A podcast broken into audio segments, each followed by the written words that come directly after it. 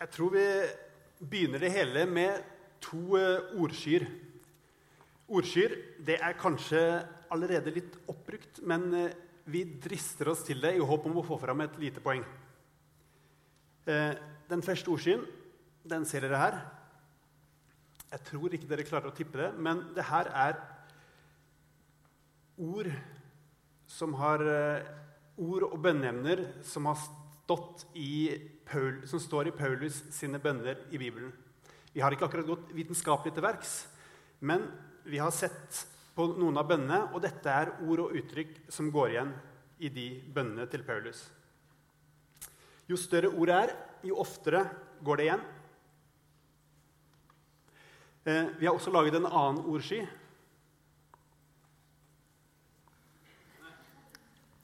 Eh, som dere kanskje kan tippe, så er dette ord og bønneemner som går igjen når vi tre ber sammen. Og som dere kan se, så er ikke det den helt store overlappen mellom Jeg, våre jeg, bønner jeg må og si Paulus sine bønner. Nå er vi to gift, så vi ber ikke så mye om damer nå lenger. Men uh, på over en tiårsperiode så Ja, nettopp. Å Ja. ja, sorry. Men jeg ber masse om det. uh, ja. Men i dag så har vi lyst til ikke å gå så mye nærmere inn på våre bønner. eh, men vi har lyst til å se litt nærmere på en av de bønnene som Paulus ber, og snakke litt rundt den, litt sånn som vi ofte gjør eh, når vi møtes for å ha medvandring. Og den bønnen som vi skal se på nå, den står i Kolosserne kapittel 1, vers 9-11. Og det er altså Paulus som skriver til de kristne i byen Kolossai. Og der står det Vi ber om at dere må bli fylt av kunnskap om Guds vilje, og få all den visdom og innsikt som Ånden gir. Da kan dere leve et liv som er Herren verdig, og som helt og fullt er til glede for Han, så dere bærer frukt i all god gjerning og vokser i kjennskap til Gud. Kraften fra Hans herlighet skal gi dere styrke, så dere alltid er utholdende og tålmodige. Den bønnen dere har på skjermen foran dere nå, den, den er jo ikke akkurat snytt ut av den ordskyen eh, fra våre bønner. Eh, Vi ber jo stort sett om liksom, hverdagslige ting og ting som har med liksom, dette livet å gjøre, mens en del av Bibelens bønner er fylt av ganske mye sånn Guds kraft og Guds visdom og kunnskap og sånne ord. Men vi hadde lyst til å starte med å understreke én ting, og det er at det er ikke det at vi ber feil hvis vi ber for det som har med det vanlige livet vårt å gjøre. Nei. Fordi Gud lengter etter at vi skal komme til ham med alt som ligger oss på hjertet. Og han bryr seg om at vi og de vi har rundt oss, har det bra. Det står faktisk i Fader vår vi ber gi oss i dag vårt daglige brød. Så dere kan be med frimodighet, stor frimodighet, det dere bruker å be. Men samtidig da, så er det det vi lærer i dagens bønn. Det er det at vi ikke må glemme det som har med det åndelige i livet vårt å gjøre. Og vi mener jo faktisk at den åndelige delen av livet vårt er den definitivt viktigste. Og hvis vi får opp et lite vers som Paulus har skrevet her Fordi han sier at vi ikke har en kamp som er fysisk, men mot verdens herskere i dette mørket. Mot ondskapens ånde her i himmelrommet. Og dette her høres rett og slett ganske skremmende ut. Men dette her er fakta for oss som er kristne. Du som er kristen, kjemper en kamp mot verdens herskere i dette mørket. Og du kjemper en kamp mot ondskapens ånde her i himmelrommet. Og når dette er kampen vi står i, da er det ikke rart at Bibelens bønner også fokuserer på nettopp det åndelige. For å utruste oss med eh, våpen som vi kan bruke til forsvar og angrep i en sånn åndelig krig. Men hvis jeg skal være helt ærlig, da, så er jo ikke denne kampen her noe som eh, liksom opptar meg veldig mye i hverdagen. Som jeg går og tenker veldig mye på. Jeg tipper jo det er sånn ganske mange har det. Ja, og det er klart jeg heller ikke føler på sånn her, den type slag eh, i livet mitt hver dag. Men poenget er det at denne bønnen er fortsatt relevant for oss kristne. For om du ikke kjenner på denne kampen, da betyr det at djevelen er på deg med kanskje det farligste våpenet han har i Norge i dag. Og det er likegyldigheten. Djevlene kjemper hver dag en kamp for at du skal miste troen på Jesus. Og den viktigste kampen du kjemper, det er faktisk ikke en kamp mot disse demonene som står på landegrensene, og uh, alt dette skumle og rare som skal skje i de store slagmarker. Men det er rett og slett ganske enkelt. Det er en kamp for at du skal overleve som kristen. Så du må ikke tro at den bønnen vi har hatt på skjermen her nå, ikke er relevant for deg. Nå skal vi se litt tilbake på bønnen vår. Og Harald han er analysekongen vår. Da må du sette i gang. uh, ja. Som dere ser på det vi har utheva der uh, Det er faktisk bare den første setningen i bønnen som faktisk er en bønn. Det andre det er mer en konstatering av hva som vil skje hvis bønnen i første setningen blir oppfylt. Vi ber om at dere må bli fylt av kunnskap om Guds vilje. Ved første øyekast så høres kanskje dette ut som en litt sånn passiv og kjedelig bønn.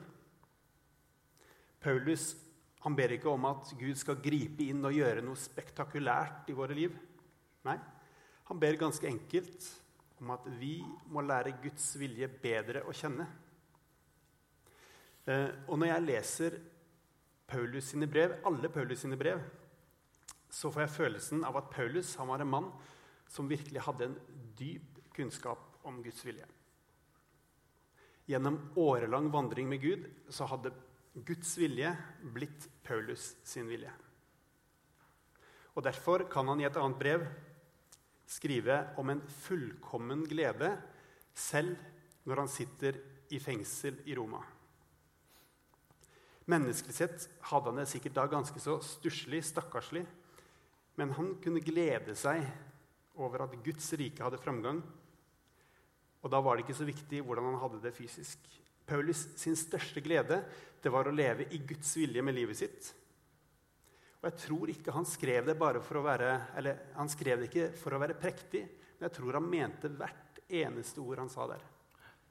Eh, og En annen ting som jeg har tenkt på om eh, Guds vilje, er hvordan vi ofte, eller i hvert fall jeg ofte, eh, stiller spørsmålet hva er Guds plan med mitt liv? Eller Guds vilje for mitt liv? Og Det er jo en fin ting å ønske å finne ut av. Men jeg har opplevd det at det kan være et ganske vanskelig og stort spørsmål som jeg ofte skulle tenkt at jeg gjerne skulle hatt et klarere og tydeligere svar på. Ja, det ikke, men det er ikke noe, sånn som veldig mange får heller. da, En sånn veldig tydelig 'Dette er det du skal gjøre'. I hvert fall får ikke jeg det så ofte. Nei, og ikke jeg heller. Eh, men en ting som jeg har fått en litt større ro for, Eh, er at fram til jeg eventuelt får et sånt svar, fordi noen får jo det, eh, så er det et spørsmål som er enda bedre å stille enn hva er Guds vilje med livet mitt? Og det er hva er Guds vilje? Og at det er der jeg kan begynne. Vi ser jo f.eks. i teksten her. Eh, Paulus ber ikke om at de skal få kunnskap om Guds vilje for livet sitt, men at de skal få kunnskap om Guds vilje. Og der har jo Bibelen mange tydelige svar. Guds vilje er jo f.eks. at vi skal vokse som kristne, at vi skal bli mer lik Jesus. At flere skal få bli kjent med han, og at hans rike skal vokse med alt det som det innebærer. Eh, så gjennom Bibelen så kan vi finne ut mer om hva hans vilje er. Og så kan jeg begynne å se på at ok, Gud har gitt meg en viss type personlighet, eh, egenskaper og talenter og nådegaver. Og en hvert fall sånn forholdsvis sunn fornuft, sånn at jeg kan prøve å se sånn og sånn kan jeg med mitt utgangspunkt være med å realisere det som er Guds vilje der hvor jeg er. Så i stedet for eh, å begynne med å spørre hva er Guds vilje for livet mitt, så kan jeg heller dele det spørsmålet opp i to spørsmål. Hva er Guds vilje? Og hvordan kan jeg med mitt utgangspunkt være med å realisere Guds vilje der hvor jeg er? Og Det er derfor vi ber i Fader vår så ber vi jo nettopp at Guds vilje må skje. Og når du sier dette her, så tenker jeg at det vi trenger, altså, på en måte, det er to ting. Det er kunnskap om Guds vilje, og så er det kunnskap om egentlig sånn Hvem er jeg? Og det er jo nettopp da dere to eh, kommer på banen for min del. da. Fordi der gjennom dere to så har jeg noen som både kjenner Bibelen, som bruker Bibelen, og jeg har to som kjenner meg. Med andre ord da så har jeg to stykker som det er veldig godt å snakke med når jeg har lyst til å finne ut mer av hvordan jeg kan realisere Guds vilje der jeg er i livet. En annen ting som jeg henger meg litt opp i i den teksten, her, det er det som står om å bære frukt. Det er noe det står om flere steder i Det nye testamentet, og er noe vi som kristne skal gjøre. Og For å gjøre det litt mer sånn konkret hva det vil si å bære frukt, så skriver Paulus et annet sted at åndens frukt kan være kjærlighet, glede, fred, overbærenhet, vennlighet, godhet, trofasthet, ydmykhet og selvbeherskelse. Så Det er noe av det som ligger i det uttrykket 'å bære frukt'. Og Det virker jo ikke som de tinga Paulus nevner der, egentlig er gjerninger, altså ting som vi skal gjøre, konkrete handlinger, men at det er mer karaktertrekk og ting som vi skal vokse mot, og som vi skal utvikle oss mot. For hver gang det står om å bære frukt, så kommer det veldig tydelig fram at det ikke handler om en prestasjon som noe vi skal få til. Det står ikke at vi skal produsere frukt, det står at vi skal bære frukt. Og Jesus bruker et bilde om et tre for å vise hvordan dette henger sammen. Eh, han sier at han er treet, og vi er greinene. Og du, Nils Kåre, du har vel planlagt et aldri så lite dramastikk om det her? har du ikke det? Jo, det har jeg faktisk. Dette har vi gledet oss til. Jeg reiser meg. Eh, jeg skal spille rollen som gren.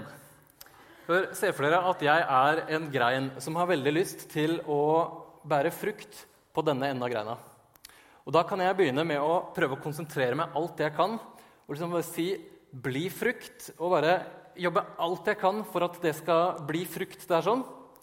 Men Jesus sier at nei, hvis målet ditt er at det skal bære frukt der, så må du heller snu blikket ditt 180 grader til den andre enden av greina og se er den godt festa til treet, sånn at den kan få næring og alt det den trenger for å kunne bære frukt. Så hvis jeg har et ønske om å bære frukt her, så skal jeg ha fokus på denne enden og sørge for at den er godt festa i treet, sånn at den kan få alt den trenger av næring og andre ting. Eh, og så kommer frukten da som en konsekvens av det. Dramatikk over. En liten applaus der. Uh, og sånn er det i det kristne livet. Søk etter Guds vilje og å leve nær til Jesus, så kommer det å bære frukt som en konsekvens av dette. Å leve nær til Jesus det er også kanskje litt sånn diffus eh, ja, Hva betyr nå det? Eh, og Da har vi snakka sammen og tenkt det å leve nær til Jesus er kanskje litt som å leve nær til en venn. Det betyr ganske enkelt at dere bruker tid sammen. Eh, en venn er en du snakker med, og vi kan snakke med Jesus. En venn er en som gjerne snakker tilbake. Jesus snakker tilbake. Og en venn er en du gjerne bruker tid på uten å kanskje bruke så mye ord, men henger sammen, opplever ting sammen. Du er bare klar over at du gjør det sammen med vennen din som går der ved din side. Kan jeg legge til én ting til om dette med å bære frukt? For uh, hvis vi ser det som står i slutten av bønnen vår, hva skal vi liksom med all denne styrken Gud gir oss? Jo, det er at vi skal bli utholdende og tålmodige. For vi skal jo bære frukt. Og det står ikke at uh, 'bær frukt én gang'. Men uh, det står det at alle som er kristne, uansett alder, skal drive og bære frukt. Bære frukt er noe vi skal gjøre hele livet. Og dette her krever utholdenhet. Og dette, utholdenhet, det er ikke sånn du kan få et godt, godt lass av på et kveldsmøte når du er 23, og så har du på en måte et lager du kan ta av resten av livet. Dette her må du jobbe med hele livet. Og hvordan du har det med Jesus når du er 40 år gammel eller 60 år gammel eller 100 år gammel, det er ikke noe du blir ferdig med mens du går her på MUF. Nei, det kommer, folkens, det kommer et liv etter MUF. Eh, det, det, kom veldig seint for oss to. Ja, det er ikke, Nå er det to-tre år siden jeg eh, slutta i MUF. Og den overgangen der var egentlig overraskende stor for min del. Fordi her har jeg gått i MUF i Misjonssalen, vært med på to til tre møter i uka. Og for to-tre år siden så ble jeg så travel, eh, og jeg bestemte meg for å slutte i MUF, eh, gå på søndagsmøte. Så da endte jeg med å gå fra to til tre møter i uka til å gå kanskje ett møte annenhver uke. Eh, og det kristne fellesskapet, både her og ellers, som jeg før fikk i bøtter og spann av, det må jeg nå hver eneste uke egentlig jobbe litt for å, for å holde ved like, eller for å få. Eh, og i etterkant, når jeg ser på disse to-tre årene, så syns jeg det er litt skummelt å se hvor fort engasjementet mitt dalte da jeg slutta i MUF. Dessverre. Og det kommer faktisk da en tid hvor eh, det er ansvar for familie og jobb og sånn, som gjør at eh, du verken kan eller bør være med på alt som finnes av kristne aktiviteter. Det kommer altså en tid hvor din tro ikke kan bæres av at du møter andre troende fra MUF eh, hver dag, og at du får to-tre møter med forkynnelse hver, dag, hver uke. Og eh, for min del da, så er jo den viktigste hjelpen jeg har hatt i det utholdenhetsarbeidet der, å være kristen gjennom for min del 30-årene, det har vært kona mi, og så har det vært dere to. Vi er jo på mange måter din fortsettelse av Ja. MUF. Ja, det, det stemmer. Men, øh, og, det er jo ikke tull heller. da. Men øh, fordi vi møtes jo regelmessig. Og det vil da si at jeg regelmessig også får se livet mitt i et åndelig perspektiv. Og alle de tingene jeg går og er opptatt av og snakker om, de får vi diskutert i lys av øh, det som står i Bibelen. Og det er utrolig viktig for meg. Eh, Og jeg har jo lyst til å si det at Når det gjelder den bønnen som Paulus ber eh, om kunnskap om Guds vilje, så er jo dere to en viktig del av det bønnesvaret for min del. For den kunnskapen som jeg får når jeg leser i Bibelen, eh, ber og snakker om livet mitt sammen med, eh, sammen med dere to, og når vi snakker om hvilke konsekvenser disse bibeltekstene kan få for livet mitt, eh, så er det noe som er utrolig viktig for meg. For jeg syns ofte det er lettest å lese i Bibelen sammen med andre, og der er jo dere til en stor hjelp for meg. For vi er jo skapt til fellesskap, og vi har et ansvar for hverandre som kristne. Og jeg opplever at vi kan hjelpe hverandre eh, i en retning til å komme nærmere Gud og søke Han og Hans vilje for oss. Eh, og i praksis så kan dette f.eks. bety at når jeg faller i synd, enten den er liten eller stor, så vet jeg at jeg har to som jeg trygt kan bekjenne det til, og som jeg vet at jeg kan få hjelp av og forbønn av for å komme gjennom det eller opp av det. Eh, og hvis jeg en gang i framtiden skulle skli sakte bort fra Jesus, så vet jeg at jeg har noen som fort vil oppdage det, og som vil følge meg tilbake igjen. Prøve å følge meg tilbake igjen. Og Når det gjelder bønn, så er det ofte jeg glemmer hva jeg har bedt om tidligere. Men da har jeg noen som følger det opp og minner meg på det og spør hvordan det har gått, sånn at jeg kan bli litt mer bevisst på de svara som Gud eh, gir på bønnene mine. Og Hvis jeg er i en eller annen situasjon der jeg lurer på hva jeg skal gjøre, eller at jeg er oppgitt eller sint over et eller annet, eh, så har jeg noen som både kjenner Bibelen, og som kjenner meg, og som det kan være godt å diskutere sammen med, og som kan gi meg råd for hva jeg burde gjøre, eller hva jeg kan gjøre i den situasjonen som jeg er i. Og noe annet jeg har følt på, da, er at hvis jeg har ting fra Bibelen som jeg syns er vanskelig eller tviler på, eller eh, jeg opplever liksom at troa mi er litt sånn nede, så har jeg jo dere der som eh, prøver å løfte meg opp igjen og bære meg der. Og heldigvis, da, motsatt, så har vi andre dager òg hvor jeg føler at liksom alt funker dritbra og livet flyr på en sky. Men eh, fordi jeg vet jeg skal møte dere, og vet at dere skal komme inn med dette åndelige perspektivet, så blir jeg minnet på det at jeg faktisk burde takke Gud for alt det gode jeg opplever. Eh, og de tingene og de andre punktene som de nevnte nå, det er jo rett og slett da konkrete eksempler på hvordan man vokser i visdom og kunnskap om Guds vilje. Da, Harald, du har noen velvalgte ord til slutt, har du ikke? Ja for, eh, Velvalgt og velvalgt. Eh, det står nå iallfall i manus. Eh, ja, fordi i, i denne talen så har dere fått høre oss tre som har snakket litt løst og fast om en bibeltekst. Og dette er det vi noen ganger gjør når vi tre er samla. Vi leser en bibeltekst sammen, og så snakker vi om den etterpå. Vi går ikke veldig teologisk til verks, men vi prøver å finne ut hva teksten har å si for våre liv i dag.